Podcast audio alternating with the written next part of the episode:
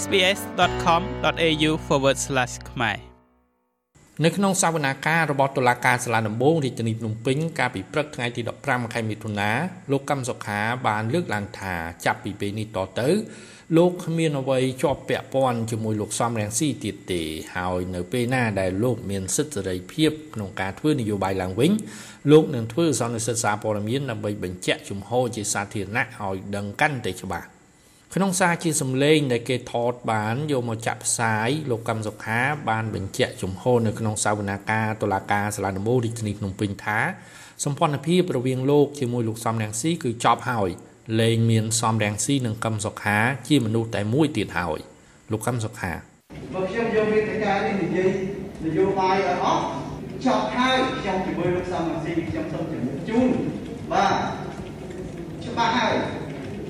អត់មានសំនឹងស៊ីកម្មសខាតែមួយទៀតទេអត់មានទៀតទេដូចសម្ដេចយល់ដែរពីមុនអត់មានវប្បធម៌សន្តិនិកមួយសំស៊ីឥឡូវអត់មានវប្បធម៌សន្តិនិកជាមួយសំស៊ីទេទេគឺចឹងគេដើរខ្លួនផ្សេងគេទៅនាំបាក់ភ្លើងទៀនរបស់គេទៅបង្កើតចូលរួមបោះឆ្នោតចេញទៅបាត់ហើយបាយហើយហើយវាយប្រហារខ្ញុំទៀតថ្មីថ្មីហ្នឹង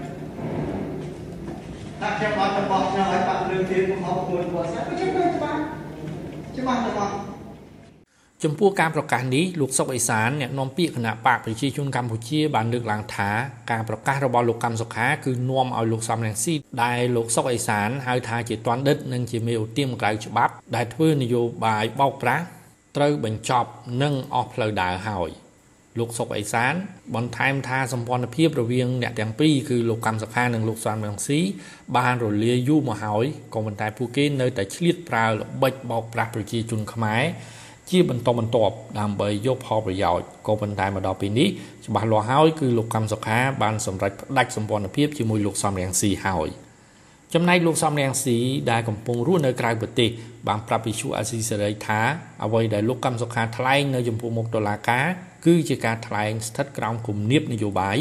និងក្នុងស្ថានភាពដែលលោកកម្មសុខាគឺជាចំណាត់ខ្មាំងនយោបាយរបស់លោកនាយរដ្ឋមន្ត្រីហ៊ុនសែនយ៉ាងណាក៏ដោយអ្នកតាមដានសង្គមនយោបាយនៅកម្ពុជាយល់ឃើញថា សម្ព័ន្ធភាពរវាងលោកកម្មសុខា និងលោកសំរងស៊ីទំនងដើរដល់ផ្លូវបំបែកហើយក្នុងនោះលោកកម្មសុខាដែលបានប្រកាសផ្ដាច់សម្ព័ន្ធភាពជាមួយលោកសំរងស៊ីដូច្នេះអាចនឹងធ្វើឲ្យលោកកម្មសុខាទទួលសិទ្ធិធ្វើនយោបាយឡើងវិញមុនការបោះឆ្នោតជាតិឆ្នាំ2023នៅកម្ពុជា អ្នកតាមដាននយោបាយក៏យល់ឃើញថា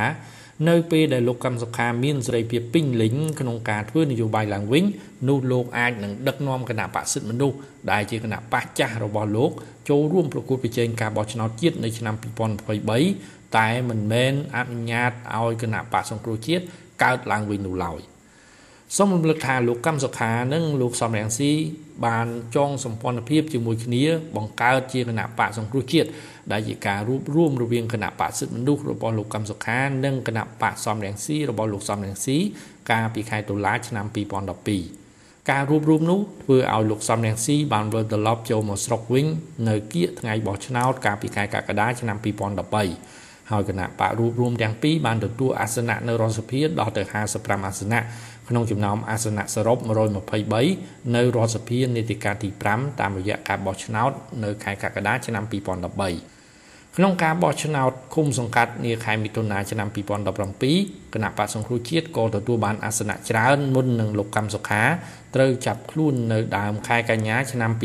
2017ហើយនៅថ្ងៃទី26ខែវិច្ឆិកាឆ្នាំ2017 តុលាការកំពូលក៏បានសម្រេចរំលាយគណៈបក្សសង្គ្រោះជាតិខ្ញុំបាទមេងផល្លា